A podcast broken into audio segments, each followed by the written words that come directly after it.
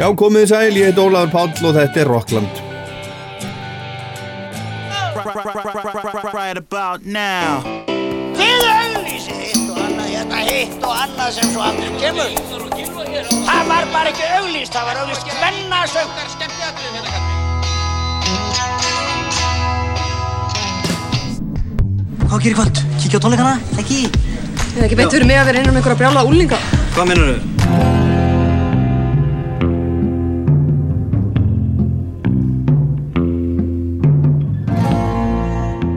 Áramót er eins og allir vita tími uppgjöra, þá er gott að staldra við og hugsa þess málið, spá í hvað vel var gert á árunni sem leið og hvað var ekki jafn gott og skemmtilegt, menn strengja áramóta heit, skella sér í rektina eftir jólasukkið, lofa bót og betrun og það allt saman því ég þekki þetta.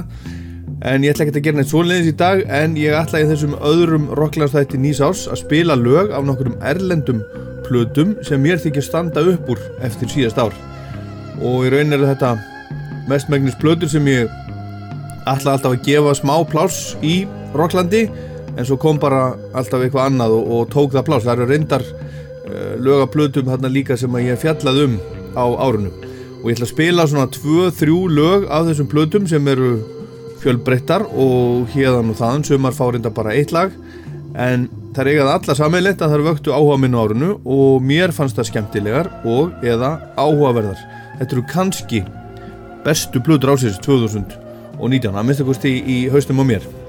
Þetta eru til dæmis Ghost Teen með Nick Cave og Bad Seeds Kiwanuka með Michael Kiwanuka Doggerel með Fountains DC Emil and the Sniffers með Emil and the Sniffers Western Stars með Bruce Springsteen Colorado með Neil Young og Crazy Horse Shepherd in uh, Sheepskin West með Bill Callahan Smog Jamie með Brittany Howard Reward með Kate LeBon The High Woman með The High Woman og Two Hands með Big Thief. Og það eru ekki neitt í sérstakari röð þetta er ekkit svona 1 upp í 10 eða eitthvað svo leiðis eða 10 neyri í uh, fyrsta sætið. Nema að fyrsta platan sem við heyrum af mér finnst hún hugsanlega best. Plata ásins 2019 reyndan með uh, annari plötu sem við spilum hérna á eittir hún heitir Two Hands og er með bandarísku hljómsutinni Big Thief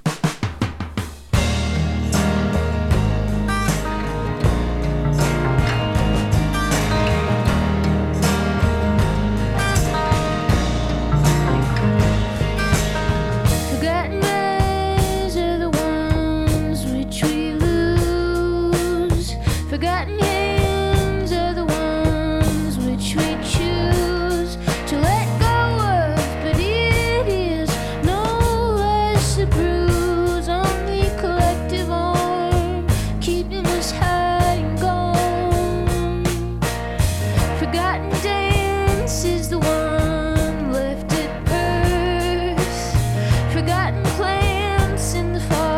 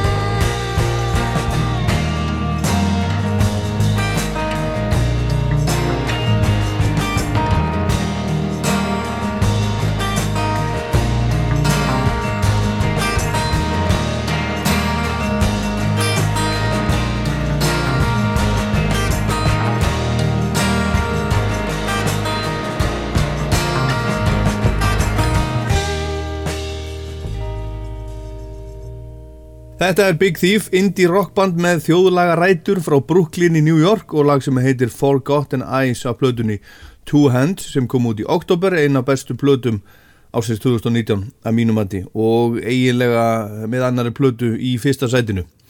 Annar plötu sem við heyrum hérna af í lokþáttanis. En sönguna frábæra heitir Adrian Lenker, hún spila líka á gítar, Buck Meek spilar á gítar, Max Olarczyk á bassa og James Krivchenia á trommur Þau voru öll fjögur saman í, í Berkeley College of Music og, og stopnuðu hljómsveitina eftir úskrift. Ég þekk ekki söguna hvað þau voru mikið saman í skólanum þau voru allavega í skólanum og stopnuðu hljómsveitina eftir að þau útskrifuðust.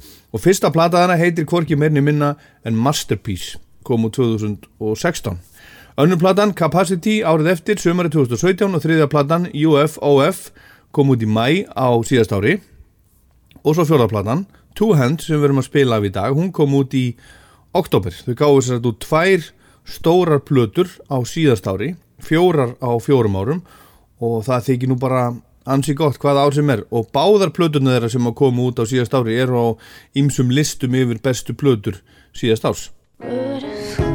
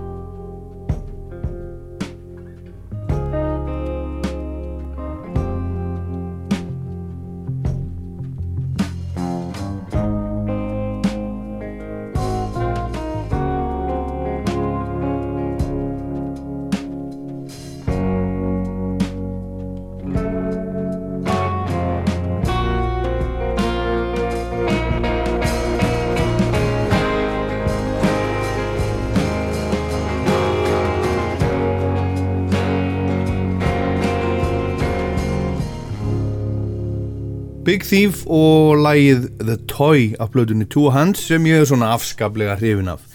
Þetta er hrátt og fallegt, einlegt og heiðalegt, ekkit óþarf að prjálega svona production stælar. Þetta er bara fólk sem kann svo litið að spila á hljóðfæri og að spila músík í stúdiói og í stúdióinu eru hljóðnumar sem að taka upp það sem fer fram. Bara tiltölulega gamaldags. Platan þessi, Two Hands, er til dæmis í 13. sæti á lista Pitchfork hefur bestu blöðunar 2019. Hún er ekki á lista Mojo eða Uncut en hinn platan þeirra sem að koma út á árunum er á báðum þessum listum UFOF. Hún er 20. öðru sæti hjá Mojo og 9. sæti hjá Uncut. Og það fara ekki alltaf saman gæði og góðu dómar og sala en þessi plata fór hæst í 100. og 13. sæti bandariska vinsaldalistans og í 34. sæti í Breitlandin. Hún er samt, eh, er samt svona eina plötum ásins og eina albesta plata ásins finnst mér. Barack Obama, fyrir um bandarækjafósiti, hann setti saman lagalista á Spotify núni árslokk með uppáhaldslögunum sínum frá árunu og þar voru lög til dæmis með Bruce Springsteen, Frank Ocean, Rosalia, Solange, The National, Beyoncé, Lizzo og fleirum. Og svo þetta lag hérna sem við heyrum næst með Big Thief sem að mér finnst alveg frábært. Þetta er eitt af lögum ásins algjörlega. Þetta heitir Not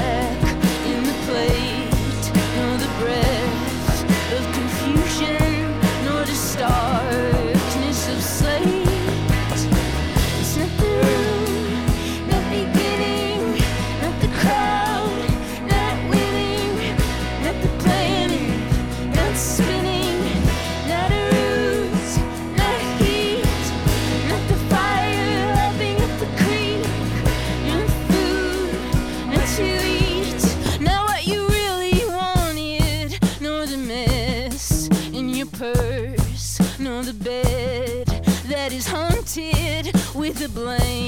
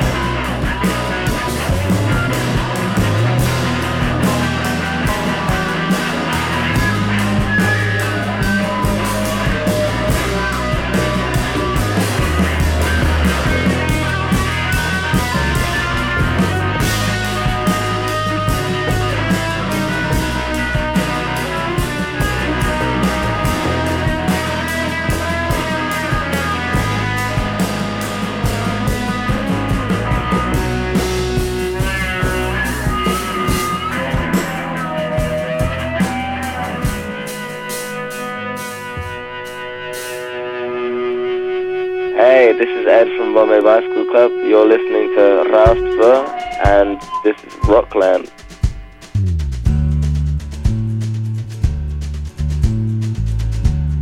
Had enough of heartbreaking pain.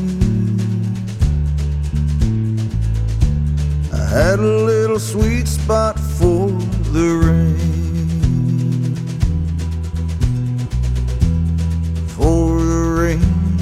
Skies of gray. Hello, sunshine, won't you stay? You know I always like my walking shoes, but you can get a little too fond of the blues. You walk too far, you walk away. Hello, sunshine, won't you stay? You know I always loved a lonely town. Those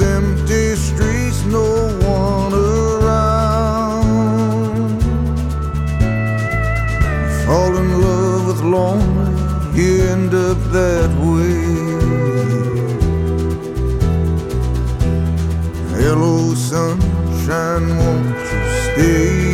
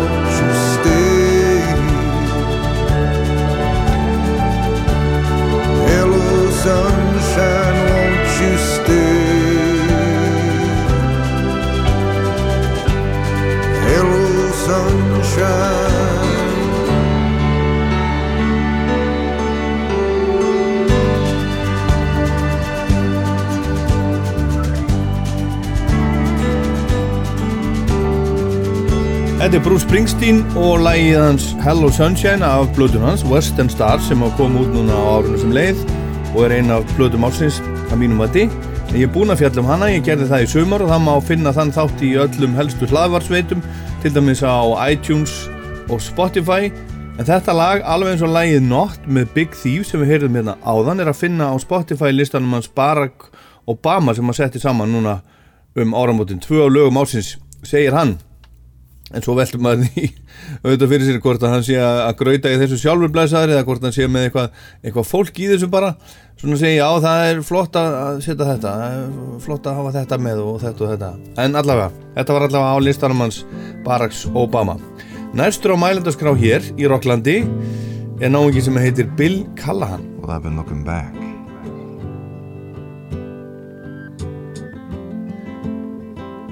At the old ways.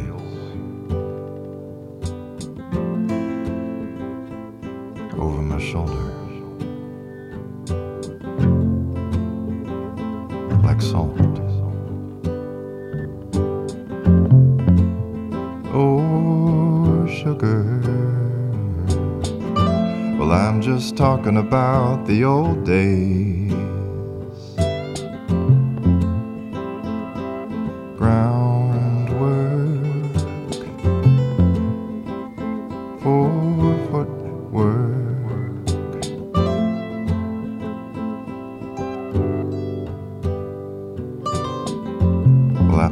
Song, we'll be moving along. Out of this vein.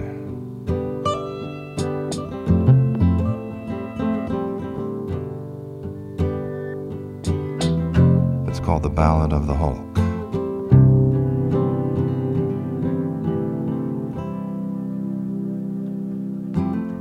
You know, I used to share a tailor David Bruce Banner. That's the Hulk. Traveling jackets and traveling bags, future rags. And shoes good for walking highways but never quite far enough away to see how good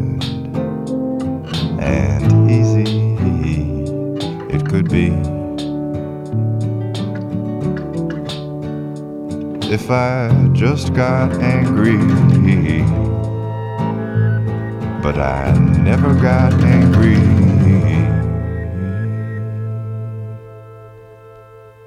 Maybe I should have. I could have cleared some things away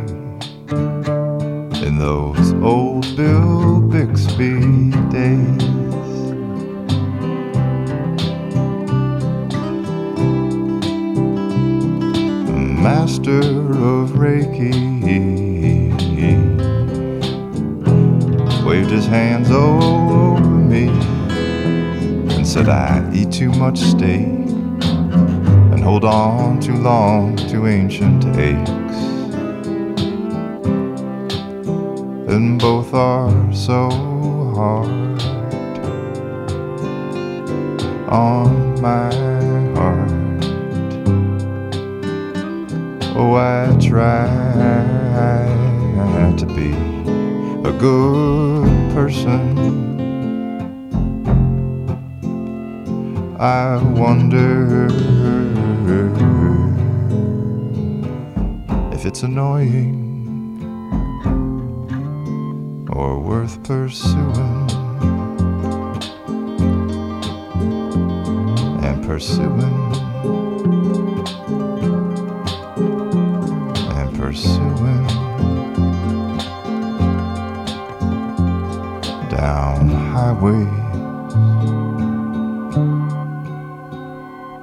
Risk of the road. Þetta er Bill Callahan, bandarækjamaður, fætur 1966, söngvaskáld, lagasmiður og söngvari, gítarmaður sem gerði margar plötur undir nafninu Smog, svona lo-fi indie-gaur sem tók músikinu sína yfirleitt upp heima hjá sér á fjögurarása segulband og, og gaf síðan út með öllum tiltakum ráðum. Lægin sem við vorum að hlusta á hérna, það er að finna á plötu sem heitir Shepherd in a Sheepskin West Þetta er sjötta platan sem Bill Callahan gefur út undir eigin nafni síðan hann byrjaði því árið 2007 þar á undan gaf hann út 13 plötur undir nafninu Smog. Þessi nýja kom út 14. júni þetta er tvöfalt album, fullt af lögum 20 lög, rúmur klukkutíma músík. Þetta er lengsta plata Callahan synga til og ein af hans bestu segja gaggrinendur og þessi plata er mér að skapi. Þessuna er hún með í þessari yfirferði í Rockland í dag yfir bestu blöðuna 2019 eða áhugaverðustu sem kom út á árunum sem var liða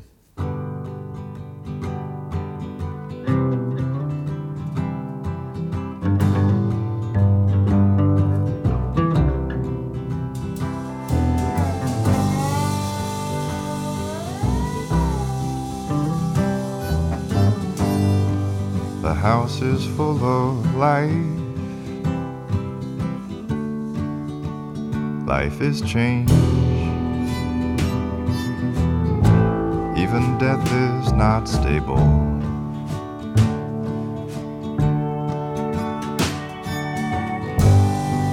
The house is full of whatever I bring to the table. If there is no supper, the children look to me, then to the table, and then to the sea.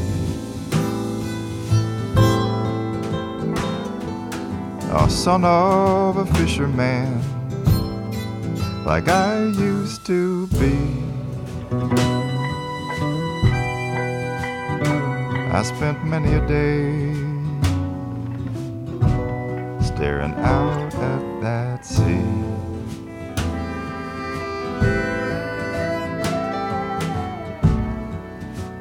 Water apologizes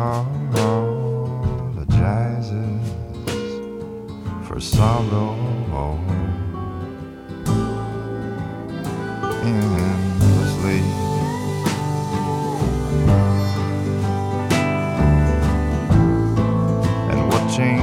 Come when our will is done? I got married to my wife. She's lovely.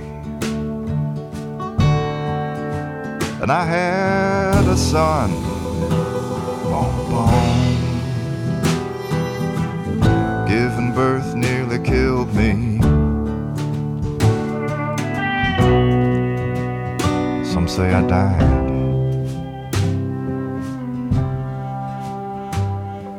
And all that survived was my lullaby. The panic room is now a nursery. And there's renovators renovating constantly.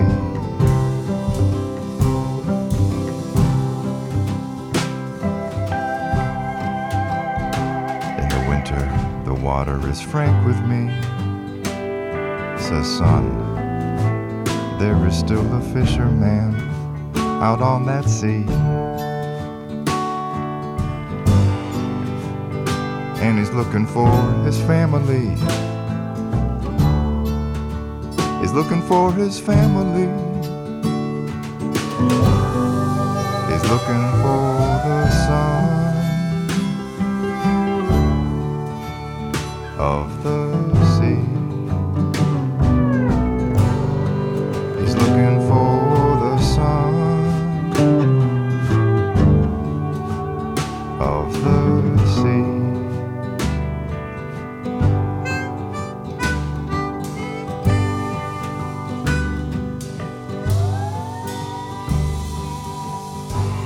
Son of the Sea heitir þetta lag. Bill Callahan á nýju plötunni sinni Shepherd in a Sheepskin West sem kom út núna í sumar. Hún er í öðru sæti á lista Mojo yfir plötur ásins 2019 sem plata og í þriðja sæti hjá Uncut og í 15. sæti hjá Pitchfork. Hann hljómar gladur og hamingjusamur á þessari plötu. Gladur og hamingjusamur er hann yfirleitt áður. Hann er til dæla nýgiftur og egnaði sitt fyrsta barn sonin Cass 2015 þegar hann var að verða 50 og það hafa aldrei liðið jafn mörg ár milli platna hjá hann síðan að byrjaði að gefa út sem smokk árið 1990 fyrir 30 áru síðan Skulum heyra eitt lati viðbótar að þessari plötu með Bill Callahan þetta heitir Watch Me Get Married The stars are blue around me. That much I can see. Like distant members of my distant twinkling blue family. Watching me get married to the immensity.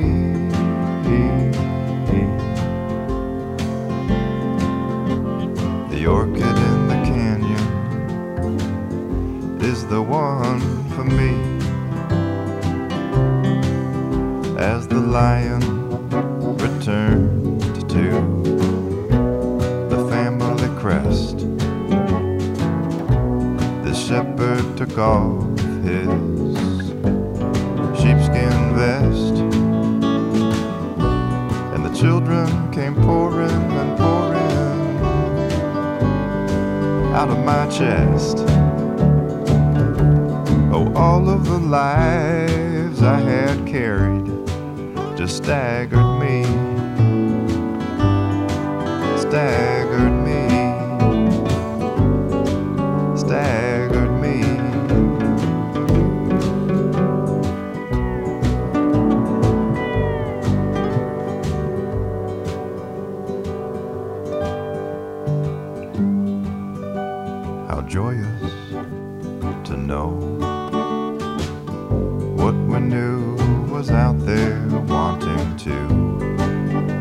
came home.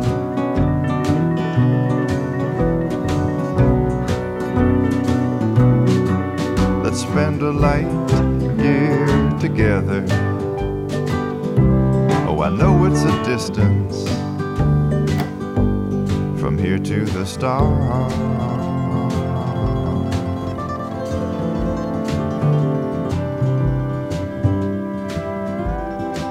Watching us get married to the immensity.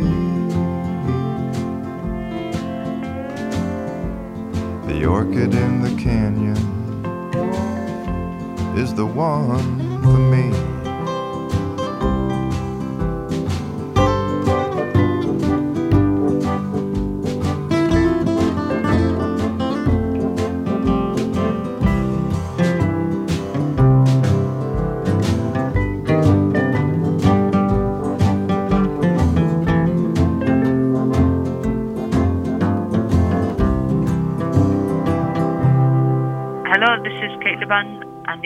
you're listening to Rouster, and this is Rockland.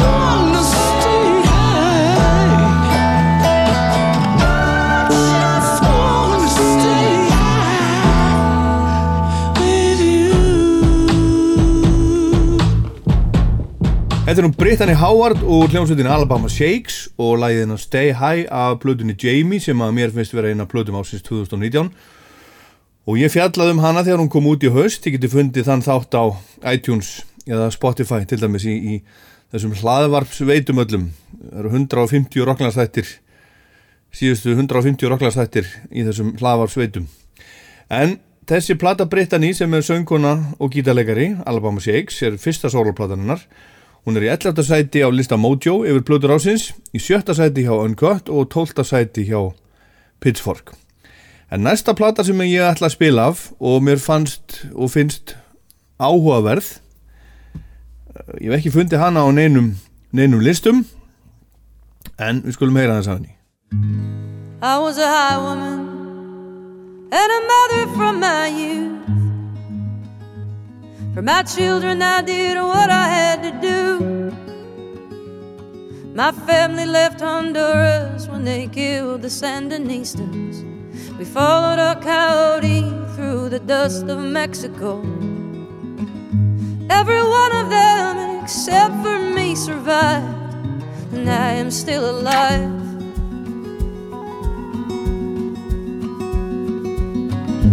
I was a healer. I was gifted as a girl. I laid hands upon the world. Someone saw me sleeping naked in the noon sun. I heard witchcraft in the whispers, and I knew my time had come. The bastards hung me at the Salem gallows hill, but I am living still.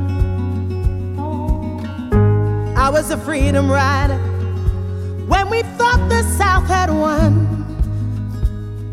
Virginia in the spring of 61. I sat down on the Greyhound that was bound for Mississippi. My mother asked me if that ride was worth my life. And when the shots rang out, I never heard the sound, but I am still around. I'll take that ride again and again and again and again and again.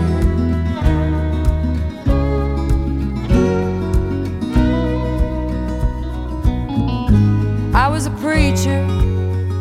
My heart broke for all the world. But teaching was righteous for a girl. In the summer, I was baptized in the mighty Colorado. In the winter, I heard the hounds, and I knew I had been found. And in my Savior's name, I laid my weapons down, but I am still around.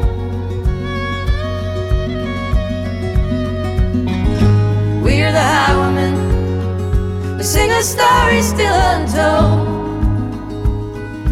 We carry the sons you can only hold. We are the daughters of the silent generations. You send our hearts to die alone in foreign nations. They may return to us as tiny drops of rain, but we will still remain. And we'll come back again and again and again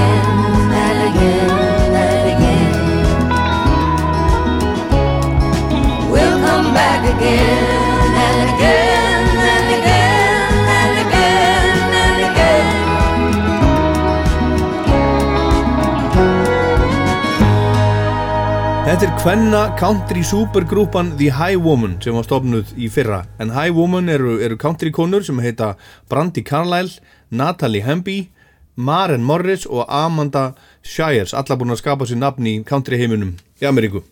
Og lægi sem við heyrðum er High Woman sem þeir sungu í gamla daga uh, með öðrum texta. Þeir sem að kölluðu sig The Highwaymen Karla country supergrúpan Johnny Cass, Waylon Jennings, Chris Kristofferson og Willie Nelson. En þetta lag með þeim stelpunum er að finna á fyrstu einu blödu High Woman sem heitir bara líka High Woman, kom út í september núna á síðast ári. Og sagan er einhvern veginn svona að árið 2016 þegar Amanda Shires var að leggja loka hönd á blödu sem hún var að gera, My Piece of Land, fekk hún þá fluguhöfuðið að setja saman svona kvenna country supergrúpu í anda Highwaymen. En þar voru þetta þessar eh, stærstu hetjur sveita tónlistarinnar á sínu tíma Cass, Waylon Jennings, Chris Kristofferson og, og Willie Nelson. Og eitt af því sem að kveikti þessa hugmynd var að henni fannst konur ekki fá nóg mikið pláss bæði í country útvarpi í Ameríku og á tónlistarháttíðum, countryháttíðum upptökustjóruninn Amundu, Dave Cobb, hann kvart hann áfram í þessu pælingum og saði henni að, að byrjaði að hafa samband við Brandi Carlyle sem hún nú gerði, þær þekktust ekkert á þessum tíma og Brandi leist vel á þessa hugmynd að setja saman svona country kvenna supergrúpu og saðist vera til. Svo bættist Helen Morris í hópin og þær byrjuði að vinna saman í leini þrjár og, og höfðu gaman að þið gefa í skinn að eitthvað skemmtilegt væri í pípunni hjá þeim áður en að það var svo tilkynnt og formlega að það var í plata á leiðinni frá The High Woman. Þetta var gert í april í fyrra. Upphaflega ætluðu þær bara að vera þrjár og fá svo hinn og þessar konur sem gersti með sér. Það var fjórðasætið svona opið og þá voru ímis nefnd í því skinni eins og Shelley Wright, Courtney Marie Andrews, Margot Price, Chanel Monet og Sheryl Crow til dæmis. En svo ákvaðu þær að bjóða Natalie Newby fjórðasætið og þær eru sem sagt fjórar. Og þær fjórar sem The High Woman komu fram í fyrsta sinn ofinbeglega á 80 og 7 ára ammæli Loretta Lynn 1. apríl í fyrra. Við skulum heyra þetta lag sem að heitir If She Ever Leaves Me og það er sungið ef hún yfirgefur mig þá verður það fyrir konu sem gefur henni meiri tíma ekki fyrir kúrega eins og þig.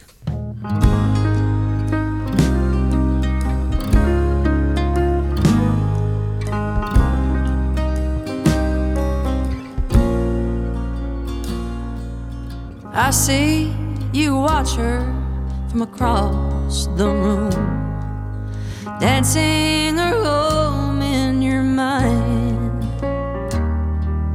Takes more than whiskey to make that flower bloom. By the third drink, you'll find out she's mine. I've loved her in secret, I've loved her out of love. The sky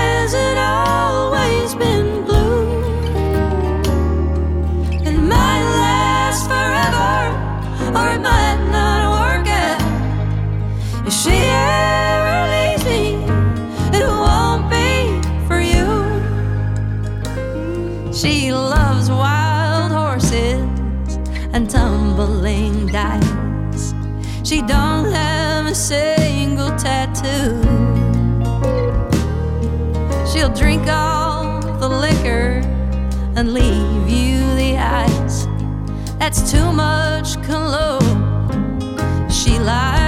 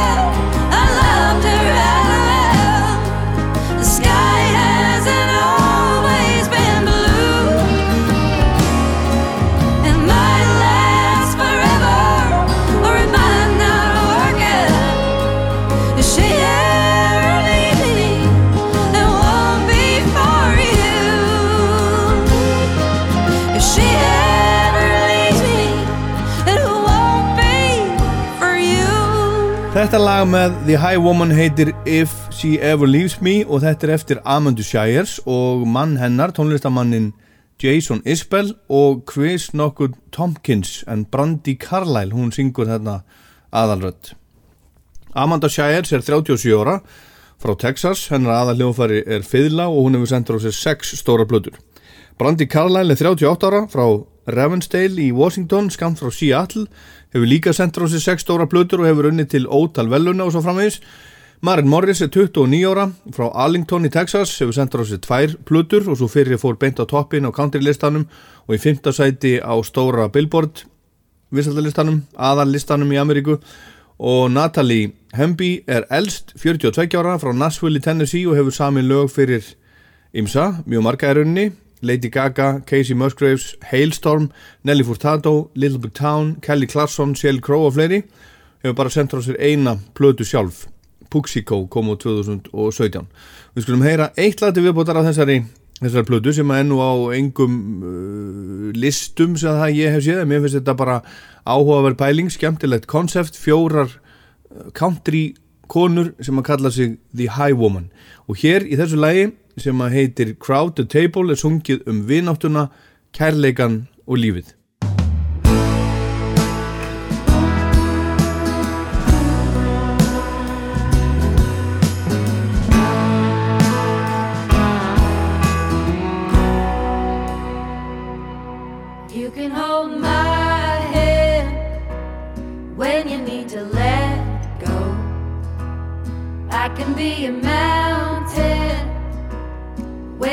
feeling valley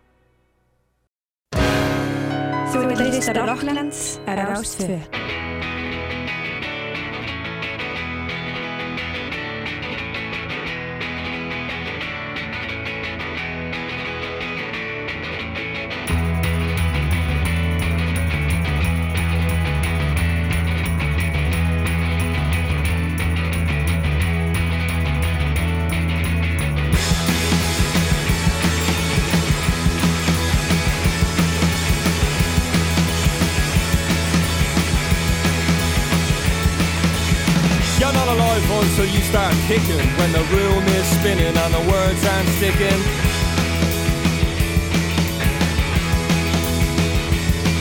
And the radio's all about a runaway model with a face like sin and a heart like a James Joyce novel.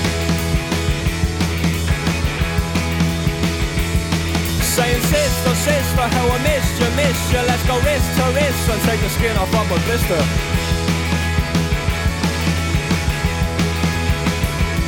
If you're a rock star, porn star, superstar, doesn't matter what you are, get yourself a good car, get out of here. Well, put the boys in the better land. You're always talking about the boys in the better land. The boys in the better land. Put the boys in the better land. You're always talking about the boys in the better land. The boys in the better land. Driver's got names to fill two double barrels. He spits out, breathes out, only smokes carols.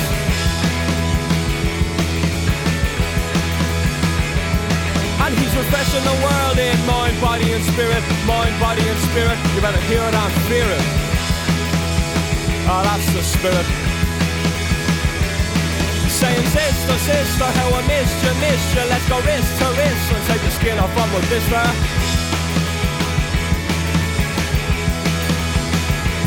If you're a rock star, porn star, superstar, doesn't matter what you are, get yourself a good car, get out of here. Yeah. Put the boys in the better land. You're always talking about the boys in the better land. The boys in the better land. Put the boys in the better land. You're always talking about the boys in the better land. The boys in the better land.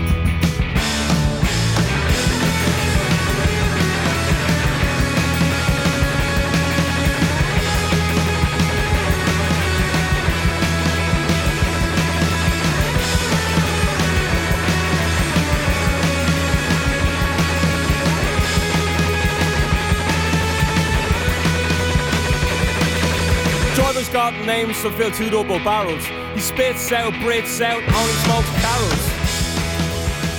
Þetta er íska rocksveitin Fountains DC og lagið Boys in a Better Land sem er að finna á plötunni Doggerel sem kom út í fyrra og ég fjallaði um hérna í Rocklandi í suma. Lagið heitir Boys in a Better Land og þetta er sannlega eina af plötum ásins að mínu mati og margar annar. Hún er í sjötta sæti á lista Mojo til dæmis yfir plötur ásins.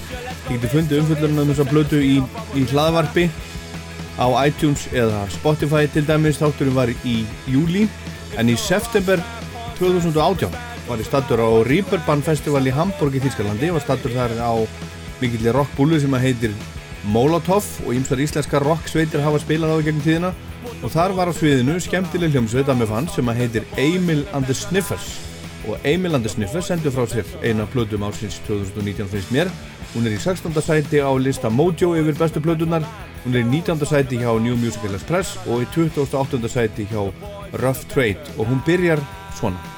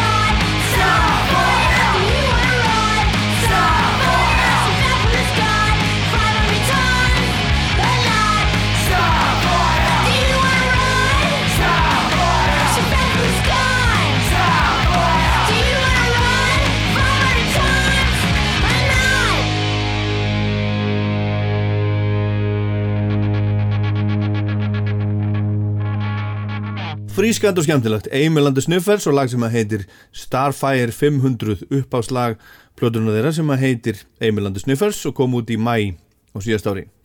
Þetta er svona bílskús rockband eins og þau gerast best frá Ástralíu, frá Melbourne, Amy Tyler, syngur, trommarinn heitir Bryce Wilson, gítarleikarin Dag Martens og bassarleikarin Gus Romer. Og þessi sveit hefur vakið talsverð aðtegli fyrir kröftugt rockið og skemmtilega sviðisframkomu og soldið sérstakt útlitt en það skemmir ju aldrei fyrir ef að lúkið er örlítið skrítið og öðruvísi og lúkið á Eimilandi Snuffers er skemmtilega svona postmodernist eins og músikinn og stjarnaljónsutarinnar er án allsvafa hún Amy Tyler, hún er alvöru rockstjarnar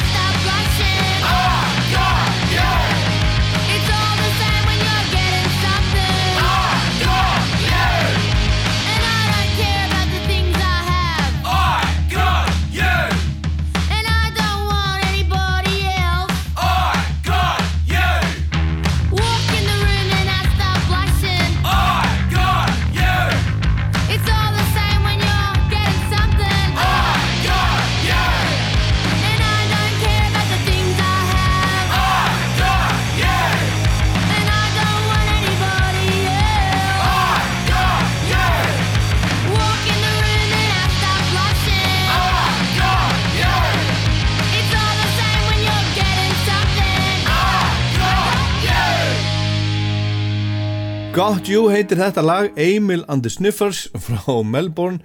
Af blöðun Emil and the Sniffers sem kom út síðastliði voru og reyna blöðum ásins að mínu mati og margar annara þarna þjóta ferskir vindar en auðvitað er þetta eldgömmul músík svona punk, punk rock.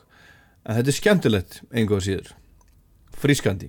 Þetta er 11 laga plata en það tekur ekki nema hálf tíma að renna henni í gegn. Engar langlokkur hjá Emil and the Sniffers, erum eitt í umhút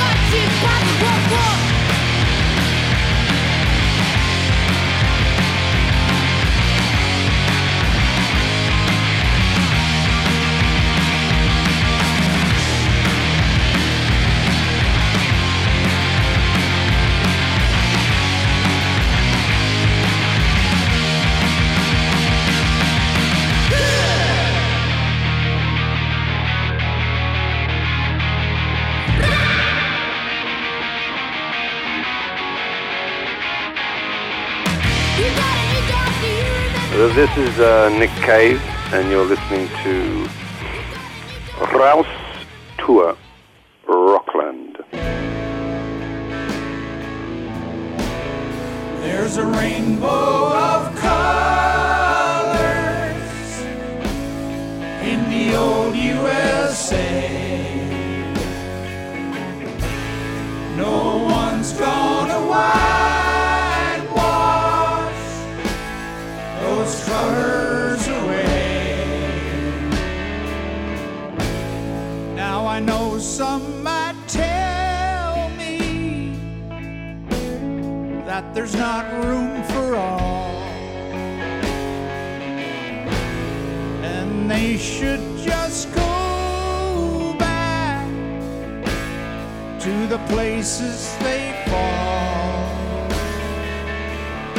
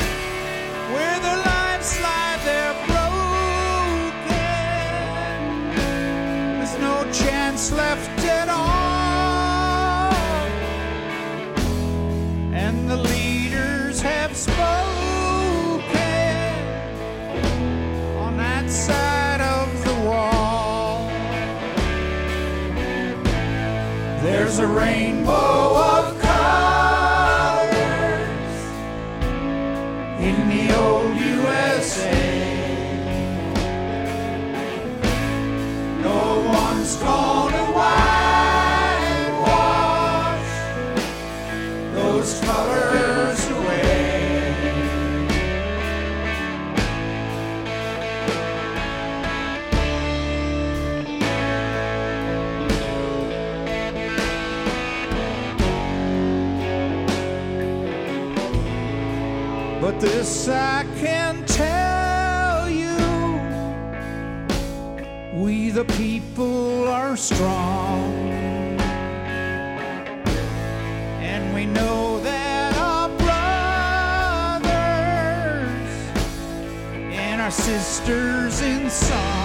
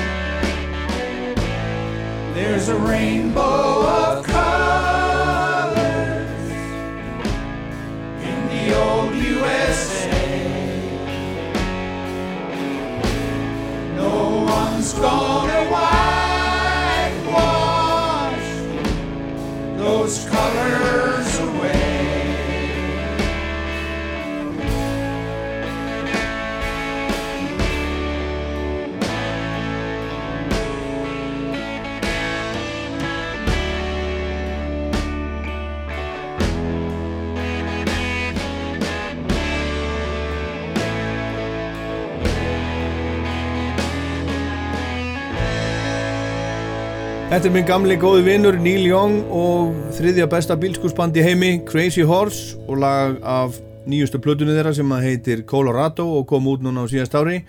Lagi Rainbow of Colors sem er besta lagið á plötunni finnst mér. Og þetta er nú langt í frá besta plata Neil Young og Crazy Horse en hún fær nú að fljóta með á ymsum, ymsum árslistum. Hún er til dæmis á lista Uncut kemur svo sem ekkert óvart, hún er í 2005. sæti þar og í 61. sæti hjá, hjá Mojo.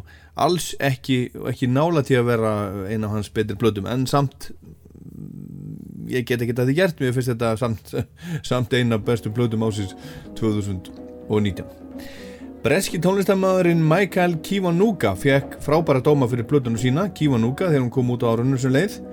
Þetta er þriðja platan hans og hún fekk til dæmis fullt hús eða fimm stjörnur í Guardian. og sá sem að skrifaði dóminn sagði að platan væri frábær og sama tíma tímalaus og nútímaleg og myndi á allt frá What's Going On með Marvin Gaye til Screamadelica Primal Scream.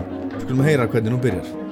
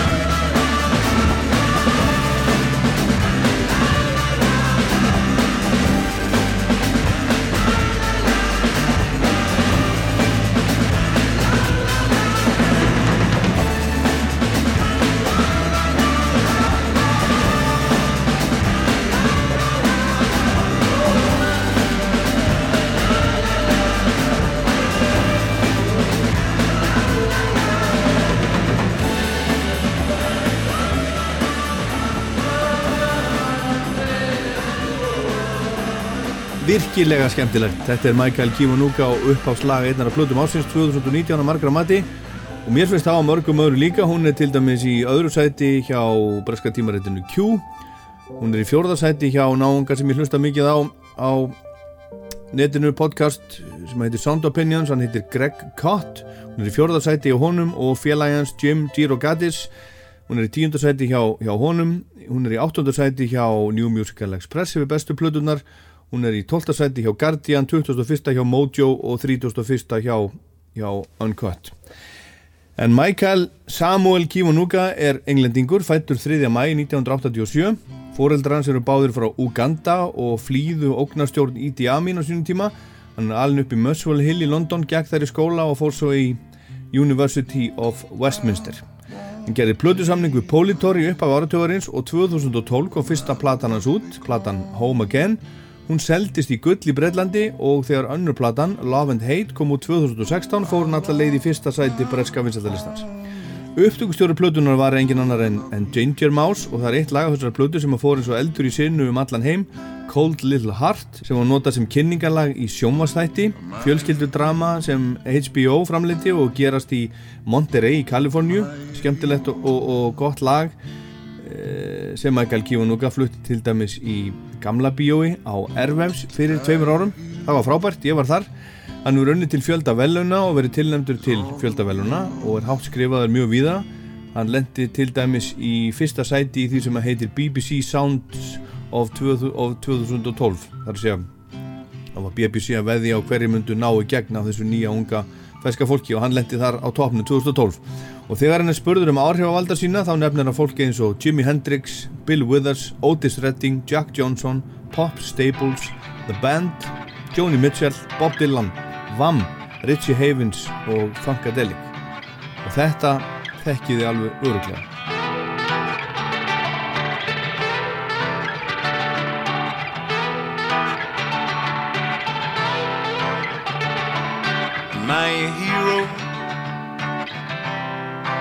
Am I a hero now? Am I a hero?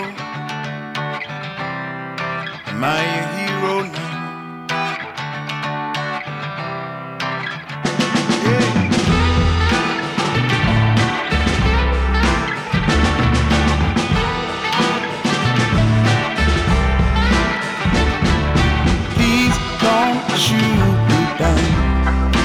love you like a brother.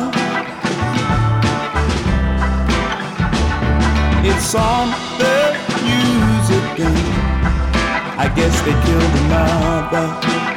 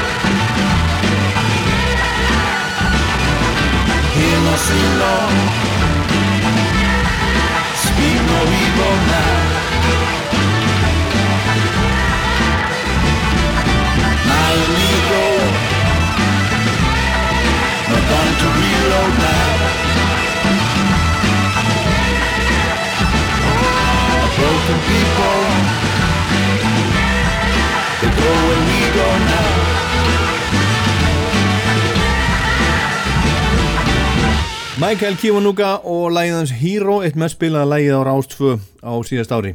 Þetta er að finna á plötunni Kiwanuka sem er að mati Rocklands, eina plötum ásins 2019. Það er margt í gangi á þessari plötu. Það er svona Hendrix, uh, gítar, Rolling Stones, gospel og Burt Bacharach strengir og margt, margt, margt, margt, margt fleira. Þetta er flott plata. Og hann syngur hann um hluti sem að skipta hann máli, mannréttindi og kjarnorku ógn til dæmis. Það er ekki alltaf bjart yfir en einhver jákvæðni samt sem einnkynni plötuna, hún svífur þarna yfir og listamæðurinn hefur sagt að hann vilji að fólk hlusti á alla plötuna í einum rikk. Hún sé samt laga sem er að hlusta á saman helst svo fólk skilji hvað hann er að fara. Og við skulum heyra hérna loka lagplötunar, fallegt lag sem heitir Light. Þetta er frábær plata.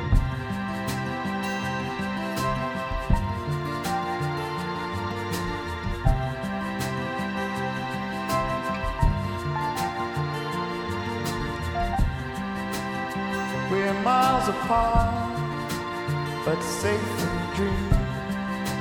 You're running far.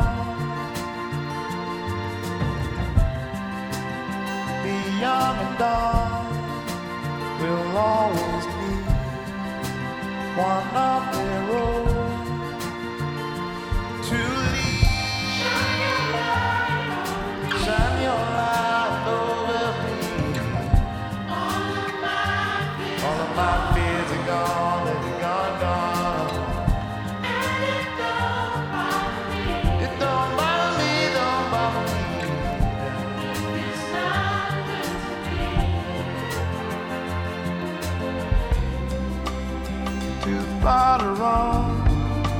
Fall on your knees to find a love. Your light for me, my only sun. You'll always shine for me. Shine your light over me. Gone, baby, gone, gone.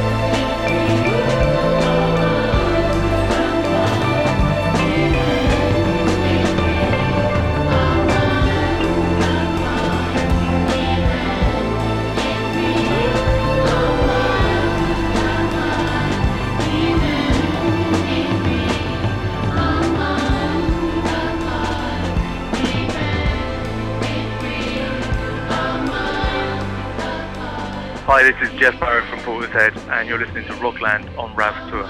Nefnilega, víkur nú sögunni að Nick Cave og Bad Seeds en nýjasta platan þeirra sem að heitir Ghost Teen og ég veit að margir aðdáðundur hafi ekki enn á almennilega hlusta á þeirra kannski ekki nefndi vegna þess að hún er dálítið skrítinn, hún er öðruvísi en síðustu plötur og er raun öðruvísi en allar plötur Nick Cave, hún er hæg seg fljótandi eins og bráði gler líður áfram, titrandi og full af tilfinningum hér er titillægið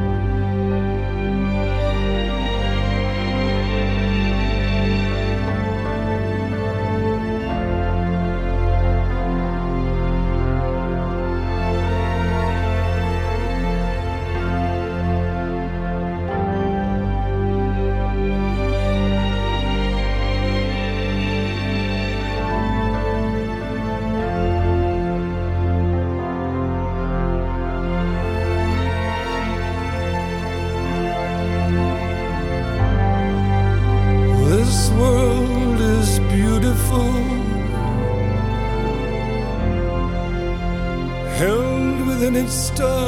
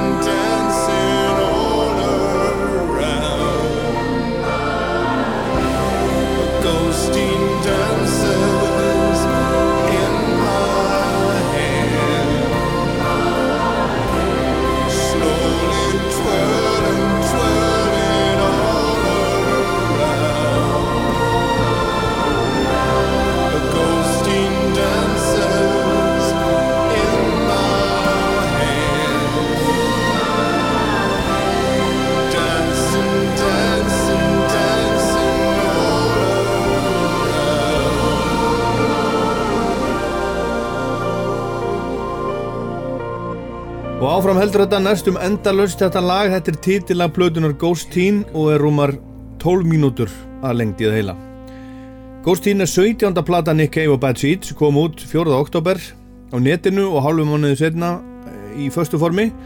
Þetta er tvöfalt album, 8 löga á fyrir plötunni, þetta er skinnum, þrjú á þeim setni, en þau lög á setni plötunni eru sem sagt eh, samtals næstum hálftími, þrjú lög. Cave hefur sjálfur sagt að þessi plata sé, sé þriða platan í, í þríleik, hinn að tvær séu síðustu tvær plötur, Push the Sky Away sem kom úr 2013 og svo Skeleton Tree 2016. Þetta er svolítið þúnt og yfirgrifsmikið en platan hefur fengið frábæra dóma, hún er til dæmis á toppnum hjá Mojo, besta plata ásins 2019, hún er í öðru sæti hjá Uncut, hún er í þriða sæti hjá Slant, hún er í fymta sæti hjá Q Magazine, hún er í áttunda hjá Guardian, ellefta hjá Rolling Stone og svo framvegis og svo framvegis. Þetta er við fyrstu kynni svona sorglega plata, það er sorg yfir og allt umkring en það er líka fullt af ást á plötunni. Þetta er fyrsta plata Cave sem hann semur eftir að, að sonur hans Arthur lést, hann hrapaði fram af, af kletti skamt frá, frá heimili Cave fjölskyldunar í Brighton árið 2015 eftir að hafa verið að fykta við LSD á samt vinnu sínum, 15 ára. Og hvernig heldur maður áfram með lífið eftir svoleiðis harmleik? Opinber persóna eins og Nick Cave, tónlistamæður sem búin að leiða sömu hljómsveitina, frábæri hljómsveitinni meirinn 30 ár, mögnuðu Bad Seeds, svona áfall rústar auðvitað lífi margra sem að eftir lifa, en Cave hefur einhvern veginn tekist að, að halda áfram að lifa og hann gaf út plötuna Skeleton Tree 2016 ári eftir slísið fólk rýndi svolítið í þá plötu og reyndi að finna sirkjandi Cave og hann er þar, þar svo sannarlega en lögplötunar voru að mestu leiti samin og tekin upp áður en að Arthur lést. Þannig að það er ekki svo mikið ekki svo mikið af því í rauninni þar. En það var erfitt að klára plötuna en Cave og félugum tósta og auðvitað hafði döiðin áhrif á hvernig hún, hún hljómar, döiðin litaði plötuna og svo kom líka kvikmynd, heimildamynd um Cave sem að heitir One More Time With A Feeling þar sem hann talar opinskátt um allt milli heimis og jarðar. Og svo mynd var að vissuleiti gerð svo að Cave þyrtti ekki að svara endalausum spurningum bladamannu um þennan hræðilega og mikla fjölskyldu harmleik það er ju þannig, það vilja vil allir tala við Nick Cave endalaust og alltaf í fyrra opnaði hann svo í framaldi á því eiginlega vefsvæði á netinu sem að heitir The Red Hand Files og þar getur hver sem er spurt Cave að hverju sem er og hann svarar. En á sama tíma segist hann vera hættur að veita venjuleg viðtöl. Sjáum til hvað kemur hvernig það verður. En til að trompa þetta allt saman fór hann svo í tónleikaferð einn þar sem hann spilaði á flíil og söng og svaraði á milli spurningum úr sal og komið með þinga til Íslands í haust og spilaði í Eldborg. Þetta var frábært ég fjallaði um tónleikana í Rocklandi þá en maður finna þá í, í, í hlaðvarsveitum og iTunes og Spotify til dæmis. Og Margaret Martinsdóttir skrifaði líka frábæra grein í stundina um þessa mögnuðu tónleika. Og það var ímsum tónleikagestum misbóðið á þessum tónleikum. Fannst fólk verið að spyrja meistaran arsnalega spurninga og svona en mér fannst þetta mjög skemmtilegt og áhugavert. Og Cave svaraði öllu sem maður var spurður á. Þetta er rauninni, þetta gerist allt saman eftir að sonurinn steyr hann, hann gerir þessa, þessa eh, heimildamind hann opnar The Red Hand Files á netinu og fyrir þennan túr og bara svarar og svarar og talar og talar og svarar spurningum um, um dauða sonarins og, og bara svarar öllu. Og skömmu eftir að hann var hérna á Íslandi þá kom þessi nýja plata út. Það var ekki vita þá að hún kæmi út. Hún kom út með stuttum fyrirvara. 17. plata Nick Cave og Bad Seeds. Ghost Teen, mögnu plata hæg og seg fljótandi eins og ég sagði thank you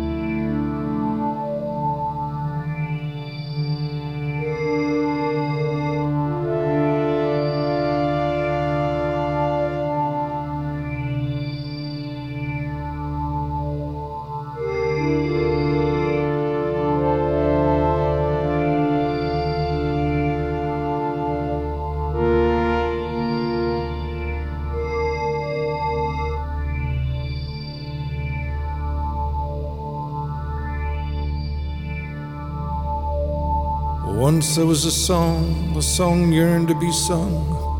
It was a spinning song about the king of rock and roll.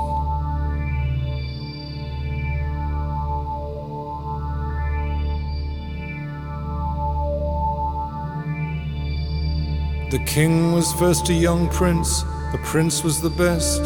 With his black jelly hair, he crashed onto a stage in Vegas.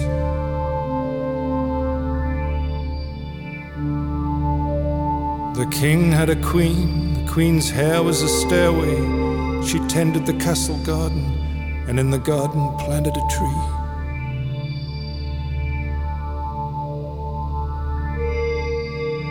The garden tree was a stairway, it was 16 branches high.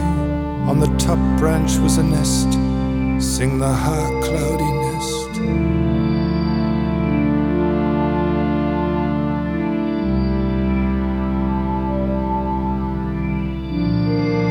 nest there was a bird, the bird had a wing, the wing had a feather, spin the feather and sing the wind.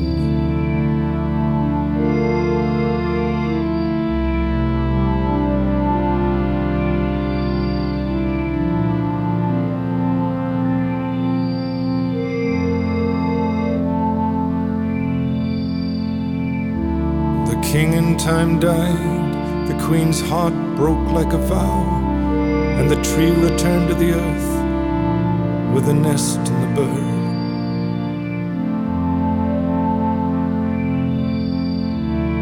But the feather spun upward, upward and upward, spinning all the weather vanes, and you're sitting at the kitchen table, listening to the radio.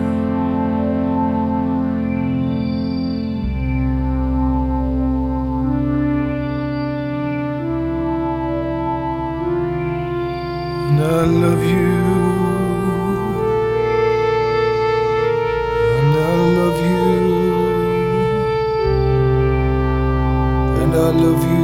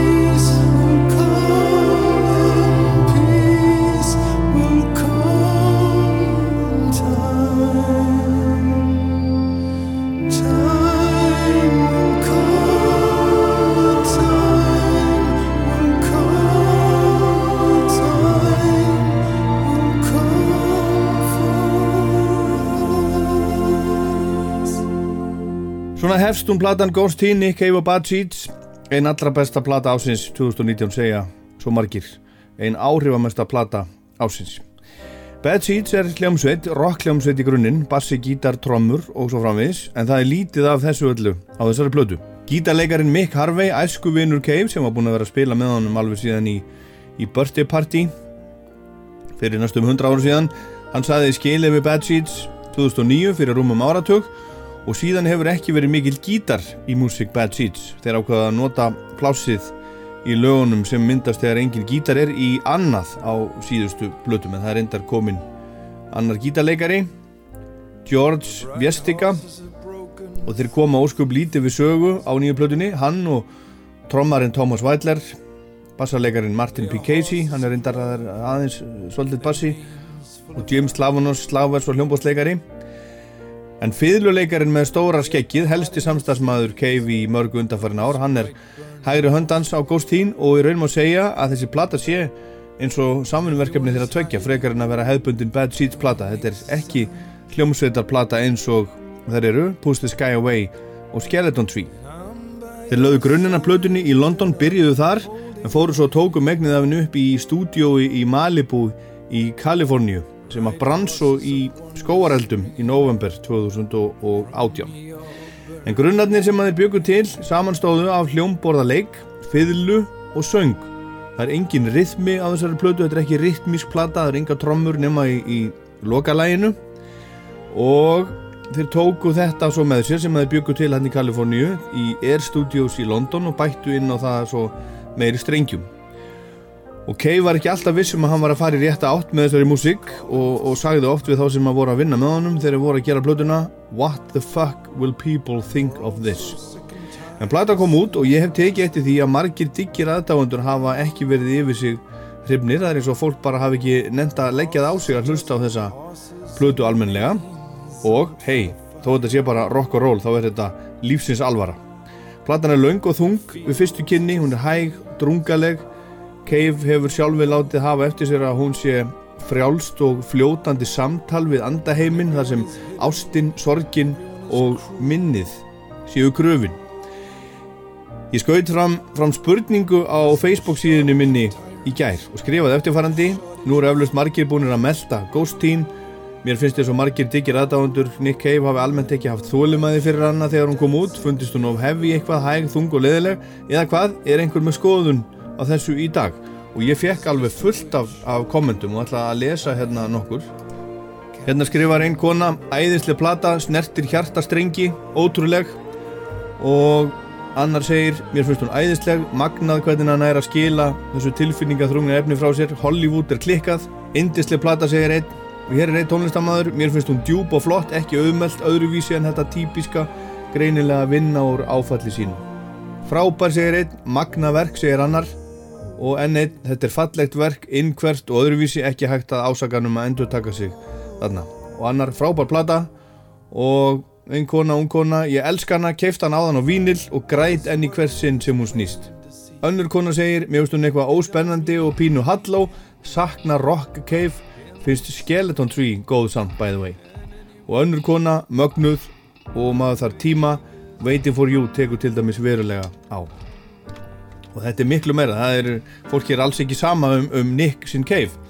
Og ég hef búin að komast að því með því að hlusta að þetta er mögnurplata sem ég ætti að hlusta á miklu meira og hún á svo sannarlega heima í félagskap Push the Sky Away og Skeleton Tree og það er svo sannarlega sorg á þessar plötu en miklu minni en ég skinniði við fyrstu hlustun. Hún fjallar meira um ást og endurfæðingu en nokkuð annað þessi plata. Þetta er stór og mikil fallið plata og ég ætla að enda rockland dagsins á læginu Waiting for You Ég heit Ólafur Páll, takk fyrir að hlusta. All through the night we drove and the wind caught her hair and we parked on the beach in the cool evening air. Well, sometimes it's better not to say anything at all.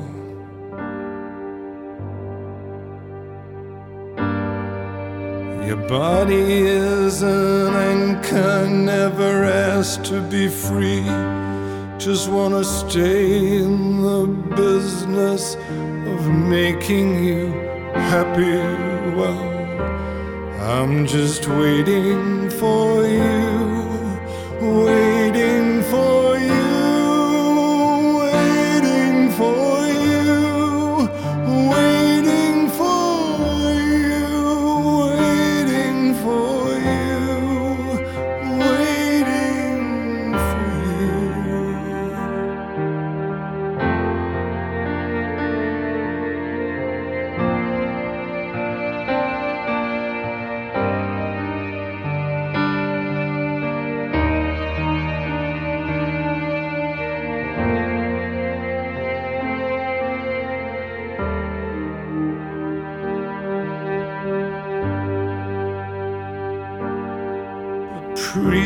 runs through the chapel, all the calendars are turning. A Jesus freak on the street says he is returning. Well, sometimes a little bit of faith can go a long, long way.